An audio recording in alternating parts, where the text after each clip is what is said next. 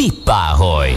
Minden vasárnap délután 5 és 6 között jön a 90.9 Jazzy heti sportmagazinja. Benne a hazai sportélet kulisszatitkaival. Minden, ami a hírek, az eredmények, a sikerek és a kudarcok mögött van. Világhírű sportolók, nagynevű edzők és sportvezetők a Vippáholyban. Itt a 90.9 Jazzy műsorán. A játékvezető Magyarósi Péter. Nagyon kellemes vasárnap délutánt kívánok, illő tisztelettel és szeretettel köszöntök mindenkit. Ez itt tehát a Vippáholy, amelyben ma az egykori legendás magyar labdarúgó válogatott kapus Király Gábor a vendégem, aki reményeim szerint itt van a telefonvonalban. Halló Gabi, hallasz el? Szia, igen, hallok.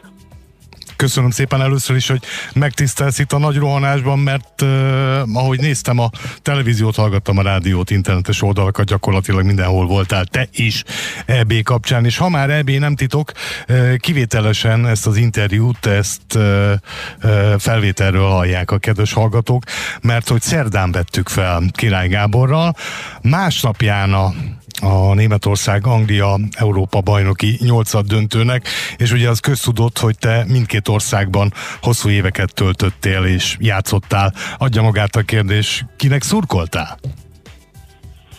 Hát egyértelmű, hogy mindkét csapatnak. Ugye egy ilyen, ilyen tornán azért valamelyik irányba el kell billenni. Én ugye én 12 évet töltöttem Németországban, hat évet pedig Angliában. Azt gondolom, hogy kiegyensúlyozott volt a, a két erő, amit a két ország képvisel, de hát ugye az angolok két góllal jobbak voltak, így a pályán elért eredmény a mérvadó, úgyhogy teljesen mindegy, hogy ki mit kíván, az, az van, ami a, a pályán elért eredmény. Azzal, hogy a németek kiestek, eldőlt, hogy gyakorlatilag a halálcsoportnak titulált csoportunkból mindenki uh, nyugodtan mondhatjuk, hogy ideje korán búcsúzott a kontinens fiadaltól. Ez több, mint meglepő, nem? Igen, egy kicsit ö, meglepő, hiszen azért ö, egy világbajnok, egy aktuális világbajnok, egy aktuális Európa bajnok, és ugye a német ö, válogatott ö, is ö, élmezőnyben ö, tartozik.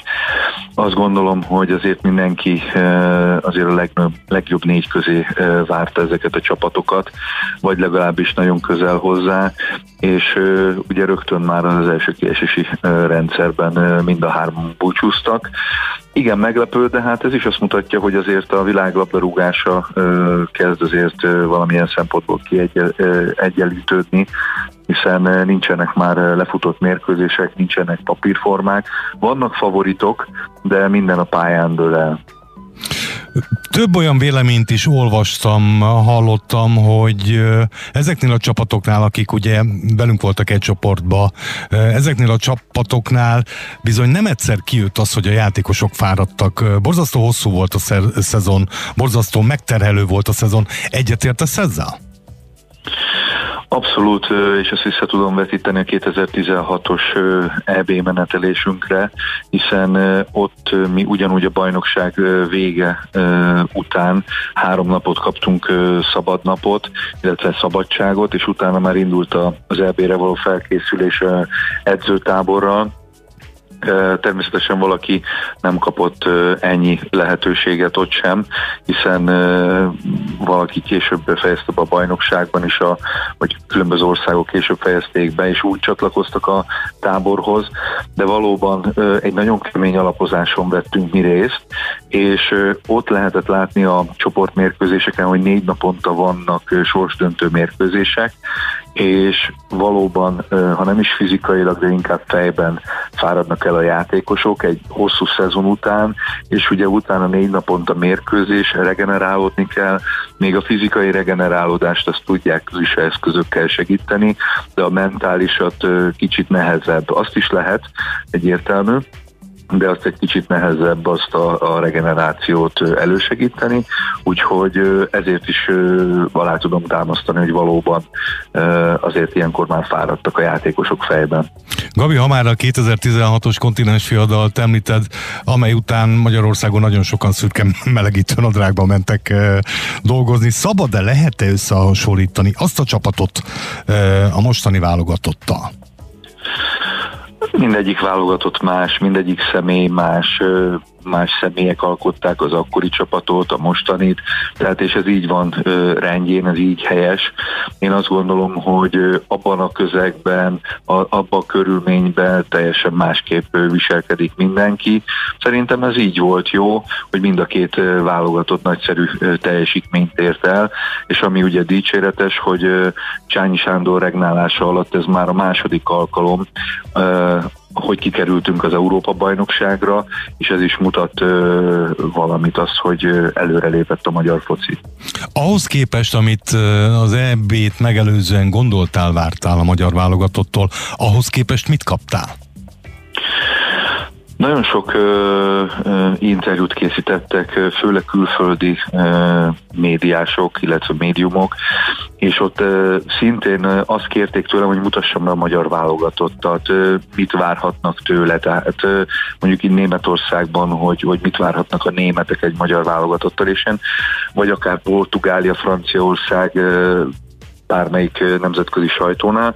Én mindig azt mondtam, hogy, hogy nem a magyar válogatott a favorit, de viszont a magyar válogatottnak az a feladata, hogy csapatként megnehezítse a favoritok dolgát, ezt mindenhol elmondtam, és ha így visszatekintünk a csoportmérkőzésre, abszolút igaz ez, hiszen két pontot is szereztünk a nagy ö, ö, csapatok ellen. Lehet bennünk minimális csalódottság? Mit gondolsz? Mert bár előzetesen nyilván mindenki azt mondta, hogy, hogy mi vagyunk a legkevésbé esélyesek. Csak amikor ö, leixeltünk a franciákkal, majd Münchenben a németekkel, és ugye ez az ikonikussá váló kép, amikor Rossi mester magához öleli a, a síró Schäfernek a, a fejét, lehet bennünk pici csalódottság, hogy, hogy tényleg nüanszokon múlott, hogy ad abszurdum ismét 2016-os EB eredményét követően ismét nem sikerült tovább jutni a csoportból?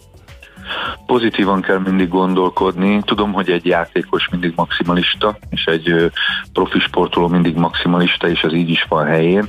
Ő mindig nyerni akar, ő mindig győzni akar, de azt gondolom, hogy mindenki büszke lehet erre a magyar válogatottra, magyar szurkolókra, magyar vezetőkre, hiszen óriási teljesítményt értünk el, hogy ilyen csoportban is két pontot tudtunk szerezni, ilyen válogatottak ellen, és nem utolsó sorban amilyen játékkal. Tehát beszélhetünk róla, hogy igen, a magyar válogatott defenzíven játszott, de mikor nálunk volt a labda, akkor veszélyesek voltunk a kapura, akkor volt kombinatív játékunk, Bizonyán. akkor tudtunk labdát tartani, és mindig a pozitívumokra kell építkezni.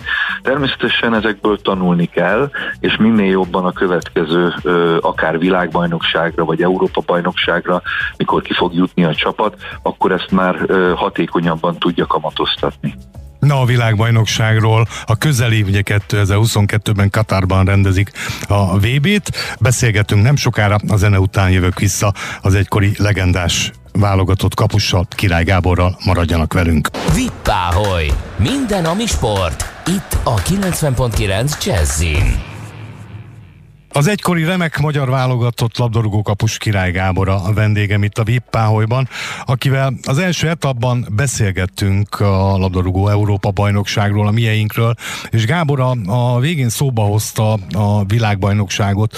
Nem vagyunk egyszerű csoportban, és ugye egy héttel ezelőtt Rutka János volt válogatott védővel beszélgettem, aki azt mondta, hogy nyilván ő is rettenetesen szeretné, hogy kiussunk, mint ahogy te is, mint ahogy ebben az országban mindenki, hogy kiussunk a VB-re, de, de vannak fenntartásai, mert azt mondja, az angolokat ö, oda-vissza, ugye lengyelekkel leixeltünk itthon, lesz egy kinti visszavágó, nagyon nehéz lesz, és ő azt mondja, hogy az albánok ellen sem biztos, hogy, hogy be tudjuk húzni a hat pontot, bár ne legyen igaza. Te hogy látod, Gabi?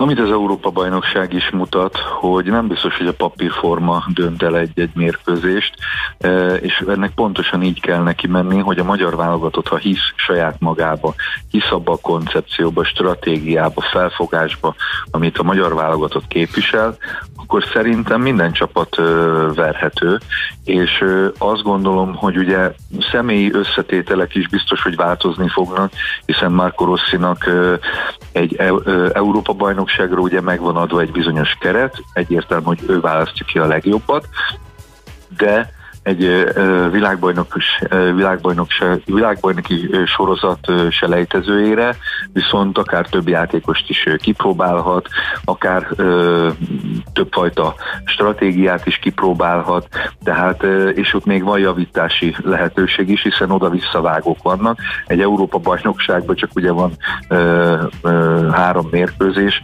tehát ott nincs oda visszavágó, tehát nincs javítási lehetőség. Azt gondolom, hogy ezzel a tudattal ö, fogunk neki vágni, illetve folytatni a, a világbajnoksági ö, selejtező sorozatot, Úgyhogy én, én mindenképpen pozitív vagyok, és bízom a csapatban. Nyilván mindannyian így vagyunk ezzel. Gábor, egy picit kanyarodjunk még vissza a kontinens fiadalhoz, a most is zajló labdarúgó Európa bajnoksághoz. Tudom, hogy te a helyszínen Münchenben nézted például a kokáéra német-magyar, magyar-német teljesen mindegy, mit mondok, hogy fogalmazok mérkőzést, és biztos vagyok benne, hogy, hogy számtalan visszajelzést kaptál Németországból, Angliából, a világ bármely részéből. Ez többségében pozitív volt magyar válogatott kapcsán? Abszolút pozitív volt, ott helyben is, tehát a németektől is, de már mérkőzés közben is kaptam üzeneteket. Volt csapattársaim, volt, akik voltak vezetők, tehát akikkel együtt dolgoztunk hosszú éveken keresztül, és ők is abszolút a, a tetszésüket nyilvánították ki a, a magyar válogatott mérkőzése miatt. Úgyhogy Büszke voltál? Abszolút, de ö, ugye ezt, ezt tudja az ember, és azért ez, mhm. ezek jó visszajelzések, hogy, hogy ö, olyan ö, emberek is visszajeleznek, nem is gondoltam, hogy például nézik a meccset, és, és egyszerűen ö, csak jelezték, hogy, hogy, hogy ez igen, hogy, hogy tényleg a magyar válogatott is ö, tud hatékonyan ö, egy Európa-bajnokságon ö, szerepelni. Tehát ö, Azért ez nagyon jó, és ott a helyszínen én azért ismerem a német mentalitást, a kultúrát, a viselkedést, a külföldiekhez való viszonyt, tehát azért a németek kicsit ott tanástalanok voltak, mint a lelátó, mint a pályán, tehát ők nem is, tehát ott ki is nyilvánították ott a, a környezetünkben, hogy nem is tudják, hogy hogy fogják feltörni a magyar védelmet, vagy ezt a magyar ö, ö, egységet, és ugye főleg, hogy kétszer is ö, vezettünk, tehát ez, ez azért a döbbenet kiült az arcukon. Pedig azok után, hogy elintézték a, a portugálokat, mondhatjuk, hogy ellenállhatatlan játékkal, többen voltunk, akik picit tartottunk attól, hogy nehogy beleszaladjunk egy, egy nagyon nagy pofonba. Ehhez képest a végén őrizték a labdát a szögletzászlónál, és látszott az arcukon az, amit te is mondasz, hogy, hogy tanástalanok, mert hogy nem tudják, nem tudják, hogy hogy kéne feltörni ezt a magyar védelmet. Rossi mester valami olyat tett, valami olyat alkotott, ami eddig nem nagyon volt jellemző erre a válogatottra, és mentalitásban is sokat fejlődtek a mieink. Hogy látod? Azt gondolom, hogy mindenképpen jó a mix a csapatnál, tehát jó a személy összetétel. Márko Rossi személye kiváló döntés volt, hiszen Márko Rossi nem bonyolítja túl a labdarúgást, egyszerű dolgokból indul ki, nagyon jól kommunikál a csapat felé, érthető, tiszta az utasítás, és éppen ezért a játékosok ezt meg tudják valósítani, nem bonyolítják túl, nem, nem komplikálják túl az egész dolgot, és ez az, ami visszaköszön a csapat játékból, a csapat minőségből, és ugye az egyéni kombinációkból is. Mennyire, mennyire hiányzik a foci, a pálya, a közeg? Hányszor volt, volt-e egyáltalán olyan, hogy azt mondtad, hogy a túróba, de jó lenne most ott lenni a gyepen. Nem volt ilyen, mert ne 26 év, 26 év alatt én eh, kiadtam magamból mindent, én nagyon keveset nyaraltam eh, ez idő alatt, hiszen eh, Ugye mindig vége volt a bajnokságnak, a bajnokság végén volt mindig két-három hét válogatott. Mikor a válogatottnak vége lett, akkor már újra kezdődtek az alapozások, és ilyen mindig ilyen pár nap maradt nekem a nyaralás, és azért ha utánpótlás válogatott voltam, ha felnőtt válogatott, talán egyszer vagy kétszer volt olyan nyár, hogy ugye nem voltam válogatott, akkor tudtam egy picit nyaralni, de amúgy nekem ez kimaradt az életből, és ugye a hétvégén hétvégék azok mindig ugye hétközben edzések voltak, hétfőtől péntekig, szombat vagy vasárnap pedig mérkőzés, és most a szombat-vasárnap az teljesen más, tehát teljesen más érzés, nekem is van hétvégén, oda megyek, ahova én szeretnék, ha meccsre szeretnék menni, akkor oda megyek, ha nem, akkor egyértelmű. Tehát euh, én élvezem ezt az életet, de viszont a futballba is úgy beleadtam mindent, hogy ne legyen hiányérzetem, és ez az első két év ez azt mutatja, hogy abszolút euh, nincs hiányérzetem. Így már érthető. Király Gábor a vendégem, itt a Vippáholyban, maradjanak velünk, jövünk vissza a zene után. Vippáholy. Minden, ami sport. Itt a 90.9 Jazzin. A mikrofon mögött Magyarósi Péter. Újra itt a Vippáholyban az egykori legendás válogatott labdarúgó kapussal, Király Gáborral, akivel beszéltünk leginkább az első két etapban a labdarúgó Európa bajnokságról. Egy kicsit most, most beszélgessünk rólad is, és a gyerekkortól induljunk el, ha nem bánod. Ha jól emlékszem, te kézilabdáztál és magasugrásban is jeleskedtél még általános középiskolában, jól emlékszem? Igen, jól emlékszel. Öt éves koromban kezdtem el a focit a haladásban, uh-huh. szombathelyi haladásban, és ugye az általános iskolában, illetve a középiskolában pedig voltak különböző sportolási lehetőségek még a foci mellett, és ugye kézilabda és a, az atlétika az, az ö, rendszeresen vettem részt ezeken a versenyeken. Úgyhogy... Jó is voltál bennük? Uh, igen, uh, magas ugrásban uh, nyolcadikosként a 14 éves korba ugrottam 175-öt. Az igen. És, uh, és uh, ugye kézilabdába pedig iskolai bajnokságból, iskolai színből feljutottunk egészen a megyei egy bajnokságig, tehát azért egy az, hogy más sportág, más fajta mozgás, de minden mellett minden nap jártam edzésre, és a foci edzések mellett vettem részt ezeken az atlétika, illetve a kézilabda eseményeken. Az igen, akkor elég örök mozgó gyerek lehetél. Hogy lett mégis foci?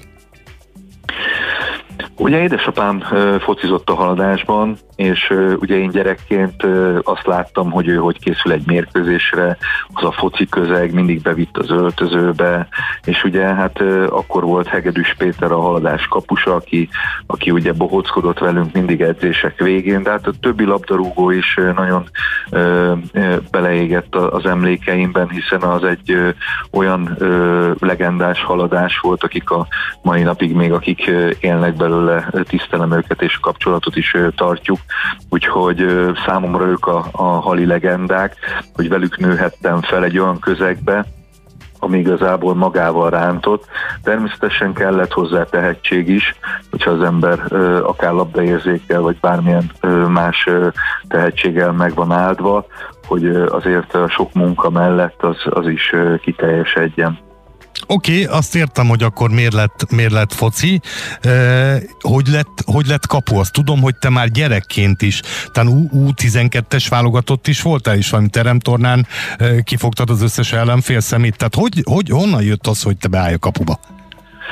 Hát ugye én öt évesen már úgy akartam védeni, Szarkozoli bácsithoz kerültem le, ő volt az első edzőm, és ő foglalkozott a haladás legkisebb utánpótlás szekciójával az 5-től a 8 évesekig, uh-huh. és Ja, öt éves koromban én még nagyon pici voltam, nem mert a, a nyolc éves gyerekek közé ö, beállítani a kapuba, mert hát ha nagyot rúgnak, ö, hát ha ö, eltörik a kezem, vagy bármi, uh-huh. baleset történik, és így egy évet kint fociztam mezőnybe, de én mindig is kapus akartam lenni, mert az embernek általában vannak ö, példaképei, és ö, nekem ugye Hegedűs Péter volt, aki akkori aktuális haladás első számú kapusa volt, mindenki Hegedűs Péter akart akkor lenni a haliba, tehát volt egy, volt egy olyan személy, aki, aki, akit követni lehetett, Aha. és mellette ö, mindig ö, néztük ö, minden egyes mozdulatát, mozdulatát, és utánoztuk ezt ö, edzésen, és hát egy ö, nagyon jó közeg volt,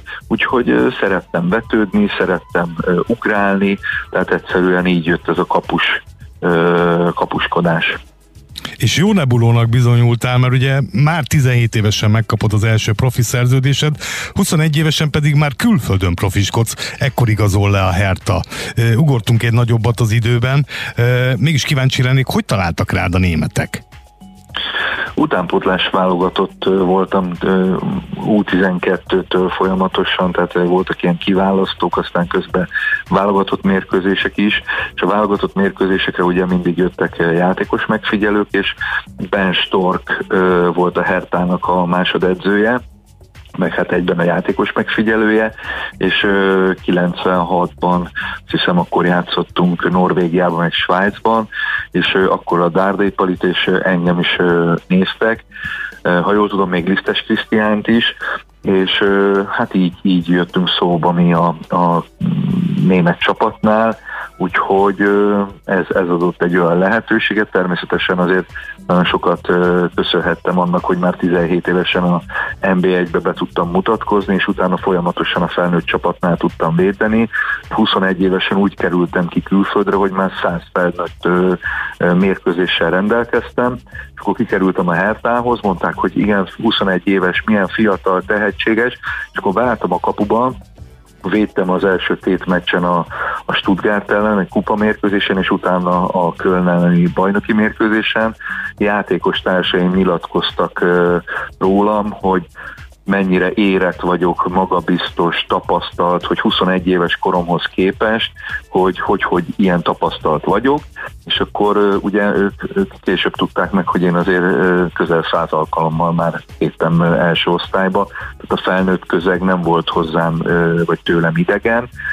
Ugye a liga az más, de igazából ha te úgy állsz hozzá, akkor, akkor a, ott nincs nagy különbség. Vippáholy, a 90.9 Jazzy legsportosabb műsora. Király Gábor az egykori legendás labdarúgó válogatott kapusa vendége ma itt a Vipáholyba, akivel legutóbb ott fejeztük be, hogy 21 évesen már külföldön profiskodott, ekkor igazolta le a Herta. Gabi, hogy emlékszel azért akkor, akkoriban, amikor te ugye 20-21 éves volt és kikerültél Németországba, még nagyon-nagyon sok minden másképp nézett ki, mint a mai világban. Hogy emlékszel vissza, mennyire fogadtak kedvesen, hogy sikerültek az első napok a beilleszkedés a Hertánál? Dárdai Pali már egy fél évvel korábban igazolt a Hertához a másodosztályba, és ugye nyáron felkerült a csapat első osztályba, tehát én egy Bundesliga egyes uh, csapathoz igazoltam. Pali személye nagyon fontos volt, hiszen ő már tudta ott a, a körülményeket, tudta a, a, az ottani életnek bizonyos szegletét, és így tudott abszolút segíteni. Eleve ugye magyarul beszéltünk, egy darabig, mert utána azért megtiszteltük a játékos társainkat, hogy az öltözőben németül beszéltünk, illetve próbáltunk, és hogy ezt az igyekezetet látták, hogy abszolút könnyebb volt a beilleszkedés, hiszen persze nem tudtunk németül, de ha látták azt, hogy akarunk megszólalni, kommunikálni, akár idősebb játékosokkal, fiatalabbakkal, akkor sokkal barátságosabbak ők is, és a közeg is, és ez a kulcs az egésznek, hogyha az ember akar beilleszkedni, integrálódni bizonyos kultúrákba, akkor azt ő neki kell megtenni az első lépéseket, és onnantól kezdve biztos, hogy segítik. Ez nagyon nagy segítség volt, hogy a játékos társaim is így álltak hozzá a vezetők, és hát ugye ami, ami a legfontosabb, hogy mindent beleadtunk edzésen, és ezt látták, ezt az őszinte munkát, uh-huh. látták az őszinte akaratot, az elhivatottságot a klub iránt, és innentől kezdve már nem volt, nem volt nehéz. Annyira jól sikerül a beilleszkedésed, hogy 2001-ben olyan csapatok állnak sorba, érted? Csak néhány példa, mint az Arsenal, az AC Milan, Fiorentina, Real Madrid vagy a Chelsea. De a Hertha nem engedett. Nem bántad? Vagy nem tudtam mit tenni? Nem bántam, mert ezt is megtanultam, hogy hogy működik ez a világ, hogy a játékosnak igazából nincs olyan nagy szava, ha a klubok nem tudnak megegyezni, illetve nem akarnak megegyezni, akkor a játékosnak nincs választási lehetőség. Ma már azért más világ van szerintem, és a kluboknak is másfajta opciók vannak, másfajta helyzetek, azért régebben, régebben nem ugráltak ennyire a játékosok fél évente, vagy akár évente egyik klubtól a másikig, mert mondjuk nem játszottak, vagy elégedetlenek voltak, hanem ott ki kellett tartani, és ott meg kellett küzdeni mindenkinek a, a csapatba kerülésért. Dieter Hönes volt a, a menedzser akkor a Hertában, és megkérdeztem tőle, hogy ez hogy működik, hogy jönnek mindig csapatok, nem csak én miattam, hanem a játékos miatt is, és ő, ő bizonyos játékosokat nem ad el, és akkor magyarázta el, hogy ő, ő neki 5-6 játékos eladhatatlan, mert ő úgy nézi, hogy inkább egy csapatot épít, és azok a játékosok gazdaságilag ö, termelnek a klubnak, mint sem eladja mint az öt játékost, és úgy ö, termel gazdaságilag.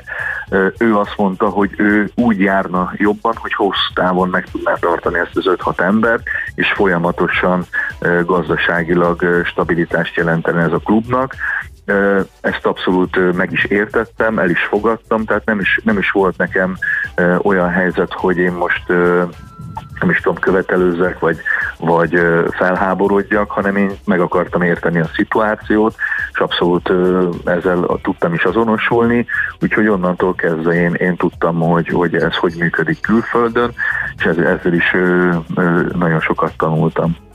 Túlzás nélkül mondhatjuk, hogy imádtak a szurkolók Berlinben, igazi közönség kedvenc voltál, búcsú meccseden egy nagyon megható transzparenssel köszöntek el tőled, de én azt gondolom, sőt biztos vagyok benne, hogy a mai napig, ha te beteszed a lábad Berlinbe, akkor, akkor még mindig megkapod azt a tiszteletet, mint aktív játékosként. Igen, ez nagyon nagy öröm, hiszen a Királysport Egyesülettel, a Herta BSC Akadémiával van együttműködés és szerződésünk, és ez tényleg nem papíron egy, csak egy együttműködés, hanem valóban a valóságban is egy szakmai együttműködés, egy utazunk Berlinbe, ők utaznak ide Szombathelyre, és ott is a, saját edzőink szembesültek azzal, hogy engem hogy fogadnak, hogy kezelnek Berlinben. Tehát én, én oda szintén hazamegyek, igen, vagy ö, otthonra leltem, tehát ö, ha 7 évet eltöltök ö, valahol, ott azért az ember ö, nyomot hagy, és ö, nagyon örülök neki, hogy a mai napig ö, ezek a kapcsolatok megvannak, és nem azért vannak meg, mert az ember a, a múltból él, hanem akkor megalapoztunk egy olyan kapcsolatot, ami egy bizalmi kapcsolat, nagyon sok csapattársam volt, csapattársam most már vezető vagy edző, és ugye a csapattársakat az kovácsolja össze, hogy a pályán zord körülmények között nyerni kell közösen, és ott igazából milyen személyiség mutatkozik ki, és nagyon örülök neki, hogy a pályafutásom alatt, akár most 1860 Münchenről beszélek, vagy a Krisztál Palaszról, vagy a Hertáról, ez mind elmondható, hogy a csapattársaimmal nagyon jó a kapcsolatom volt csapattársaimmal,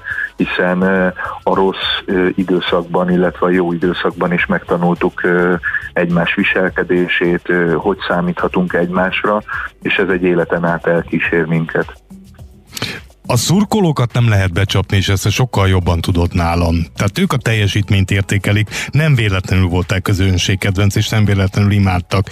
De én azt gondolom, aztán hogy kiavítasz, ha, ha tévedek, azt gondolom, hogy túl ezen nagyon-nagyon értékelték azt a fajta jó értelembe vett csibészséget, eh, amit, amit te képviseltél. Nem tudom, hogy berlini pályafutásod eh, alatt volt-e, eh, de bennem élénken él, volt olyan tétmeccsen, úgy dobtad ki a labdát, hogy rádobtad a kapu fára.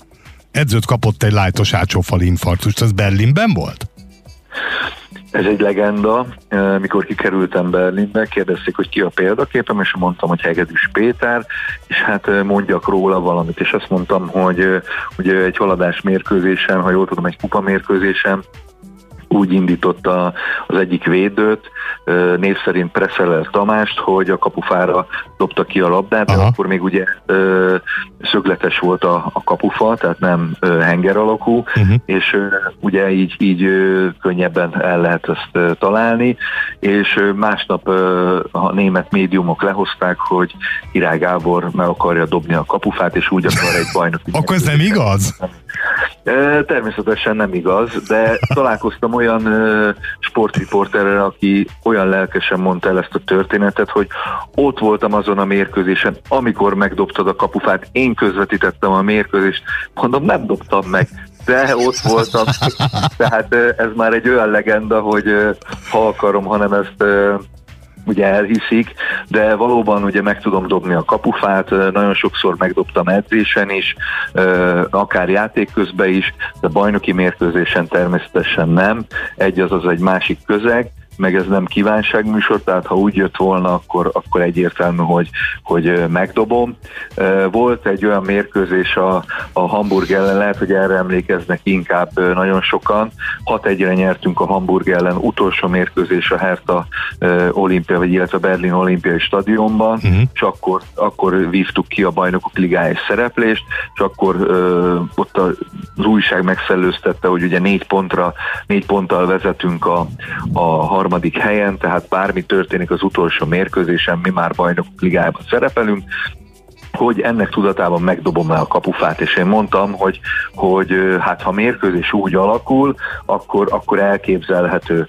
És ugye ez ilyen kicsit ilyen közönség csalogató volt, hogy akkor, ha már ezt akarják látni, akkor, akkor jöjjenek ki, és ugye azt hiszem 5-1-nél, vagy valahogy így lehúztam egy labdát, és így megfordultam a, a felső kapufa felé, és így belendítettem csak, de nem dobtam el a labdát. És abban a pillanatban a 60 ezer néző az így, így teljesen megdermedve csöndben volt, és uh, ugye nem csináltam semmit, hanem ugye kigurítottam a, a védőnek a labdát, és de ugye az is hozzátartozik, hogy előtte 10 percig uh, skandálta a B közép, hogy dob meg a kapufát, dob meg a kapufát, és ugye mikor belendítettem, akkor egy ilyen óriási sok volt, és uh, és szerintem e, ez, ez maradhatott meg így a szurkolókban, ez az érzés, meg ugye az a, a fergeteges hangulat, ami ugye egy 6-1 után, e, és ugye Antoni Jeboa rúgta a, a, a Hamburg részéről azt a,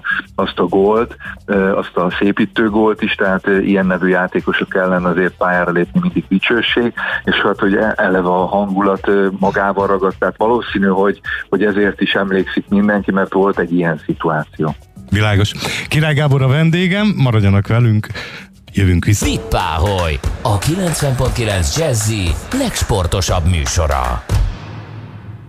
Király Gábor az egykori legendás labdarúgó válogatott kapusa vendége ma itt a Vipáholyba, akivel legutóbb ott fejeztük be, hogy 21 évesen már külföldön profiskodott, ekkor igazolta le a Herta. Gabi, hogy emlékszel azért akkor, akkoriban, amikor te ugye 20-21 éves volt és kikerültél Németországba, még nagyon-nagyon sok minden másképp nézett ki, mint a mai világban. Hogy emlékszel vissza, mennyire fogadtak kedvesen, hogy sikerültek az első napok a beilleszkedés a Hertánál? Dárdai Pali már egy fél évvel korábban uh, igazolt a Hertához a másodosztályba, és ugye nyáron felkerült a csapat első osztályba, tehát én egy Bundesliga egyes uh, csapathoz uh, igazoltam. Pali személye nagyon fontos volt, hiszen ő már tudta ott a, a körülményeket, tudta a, a, az ottani életnek bizonyos szegletét, és így tudott abszolút segíteni. Eleve ugye magyarul beszéltünk, egy darabig, mert utána azért megtiszteltük a játékos társainkat, hogy az öltözőben németül beszéltünk, illetve próbáltunk, és hogy ezt az igyekezetet látták, hogy abszolút könnyebb volt a beilleszkedés, hiszen persze nem tudtunk németül, de ha látták azt, hogy akarunk megszólalni, kommunikálni, akár idősebb játékosokkal, fiatalabbakkal, akkor sokkal barátságosabbak ők is, és a közeg is. És ez a kulcs az egésznek, hogyha az ember akar beilleszkedni, integrálódni bizonyos kultúrákba, akkor azt ő neki kell megtenni az első lépéseket, és onnantól kezdve biztos, hogy segítik. Ez nagyon nagy ö, segítség volt, hogy a játékos társaim is így álltak hozzá a vezetők, és hát ugye ö, ami, ami a legfontosabb, hogy mindent beleadtunk edzésen, és ezt látták, ezt az őszinte munkát, uh-huh. látták az őszinte akaratot, az elhivatottságot a klub iránt, és innentől kezdve már nem volt, ö, nem volt nehéz. Annyira jól sikerül a beilleszkedésed, hogy 2001-ben olyan csapatok állnak sorba, érted? Csak néhány példa, mint az Arsenal, az AC Milan, Fiorentina, a Real Madrid, vagy a Chelsea. De a Hertha nem engedett. Nem bántad, vagy nem tudtam mit tenni? Nem bántam, mert ezt is megtanultam, hogy hogy működik ez a világ, hogy a játékosnak igazából nincs olyan nagy szava, ha a klubok nem tudnak megegyezni, illetve nem akarnak megegyezni, akkor a játékosnak nincs választási lehetőség. Ma már azért más világ van szerintem, és a kluboknak is másfajta opciók vannak, másfajta helyzetek, azért régebben, régebben nem ugráltak ennyire a játékosok fél évente, vagy akár évente egyik klubtól a másikig, mert mondjuk nem játszottak, vagy elégedetlenek voltak, hanem ott ki kellett tartani, és ott meg kellett küzdeni mindenkinek a, a csapatba kerülésért. Dieter Hönes volt a, a menedzser akkor a Hertában, és megkérdeztem tőle, hogy ez hogy működik, hogy jönnek mindig csapatok, nem csak én miattam, hanem a játékos miatt is, és ő, ő bizonyos játékosokat nem ad el, és akkor magyarázta el, hogy ő, ő neki 5-6 játékos eladhatatlan, mert ő úgy nézi, hogy inkább egy csapatot épít, és azok a játékosok gazdaságilag ö, termelnek a klubnak, mint sem eladja mint az öt játékost, és úgy ö, termel gazdaságilag. Ö, ő azt mondta, hogy ő úgy járna jobban, hogy hosszú távon meg tudná tartani ezt az 5-6 embert, és folyamatosan ö, gazdaságilag ö, stabilitást jelentene ez a klubnak ezt abszolút meg is értettem, el is fogadtam, tehát nem is, nem is volt nekem olyan helyzet, hogy én most nem is tudom, követelőzzek, vagy, vagy felháborodjak, hanem én meg akartam érteni a szituációt, és abszolút ezzel tudtam is azonosulni, úgyhogy onnantól kezdve én, én tudtam, hogy, hogy ez hogy működik külföldön, és ezzel is nagyon sokat tanultam. Túlzás nélkül mondhatjuk, hogy imádtak a szurkolók Berlinben, igazi közönség kedvenc voltál, búcsú meccseden egy nagyon megható transzparenssel köszöntek el tőled, de én azt gondolom, sőt biztos vagyok benne, hogy a mai napig, ha te beteszed a lábad Berlinbe, akkor, akkor még mindig megkapod azt a tiszteletet, mint aktív játékosként. Igen, ez nagyon nagy öröm, hiszen a Királysport Egyesülettel, a Herta BSC Akadémiával van együttműködés és szerződésünk, és ez tényleg nem papíron egy, csak egy együttműködés, hanem valóban a valóságban is egy szakmai együttműködés, egy utazunk Berlinbe, ők utaznak ide Szombathelyre, és ott is a saját edzőink szembesültek azzal, hogy engem hogy fogadnak, hogy kezelnek Berlinben. Tehát én, én oda szintén hazamegyek, igen, vagy ö, otthonra leltem, tehát ö, ha hét évet eltöltök ö, valahol, ott azért az ember ö, nyomot hagy, és ö, nagyon örülök neki, hogy a mai napig ö, ezek a kapcsolatok megvannak, és nem azért vannak meg, mert az ember a, a múltból él, hanem akkor megalapoztunk egy olyan kapcsolatot, ami egy bizalmi kapcsolat, nagyon sok csapattársam volt, csapattársam most már vezető vagy edző, és ugye a csapattársakat az kovácsolja össze, hogy a pályán zord körülmények között nyerni kell közösen, és ott igazából milyen személyiség mutatkozik ki, és nagyon örülök neki, hogy a pályafutásom alatt, akár most 1860 Münchenről beszélek, vagy a Crystal Palace-ról, vagy a Hertáról, ez mind elmondható, hogy a csapattársaimmal nagyon jó a kapcsolatom volt csapattársaimmal,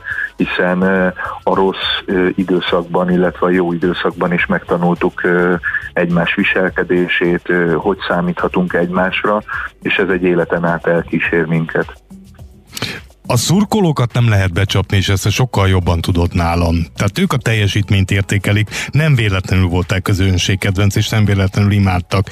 De én azt gondolom, aztán majd kiavítasz, ha, ha tévedek, azt gondolom, hogy túl ezen nagyon-nagyon értékelték azt a fajta jó értelembe vett csibészséget, eh, amit, amit te képviseltél. Nem tudom, hogy berlini pályafutásod eh, alatt volt-e, eh, de bennem élénken él, volt olyan tétmecsen, úgy dobtad ki a labdát, hogy rádobtad a kapufát fára. Edzőt kapott egy lájtos átsófali infarktust, ez Berlinben volt? Ez egy legenda. Mikor kikerültem Berlinbe, kérdezték, hogy ki a példaképem, és mondtam, hogy Hegedűs Péter, és hát mondjak róla valamit, és azt mondtam, hogy ugye egy haladás mérkőzésen, ha jól tudom, egy kupa mérkőzésen úgy indította az egyik védőt, név szerint Preszeller Tamást, hogy a kapufára dobta ki a labdát, Aha. de akkor még ugye szögletes volt a, a kapufa, tehát nem henger alakú, uh-huh. és ugye így, így könnyebben el lehet ezt találni, és másnap a német médiumok lehozták, hogy Király Gábor meg akarja dobni a kapufát, és úgy akar egy bajnok. Akkor ez nem igaz? Természetesen nem igaz, de találkoztam olyan sportriporterrel, aki olyan lelkesen mondta el ezt a történetet, hogy ott voltam azon a mérkőzésen, amikor megdobtad a kapufát, én közvetítettem a mérkőzést, mondom, nem dobtam meg, de ott voltam.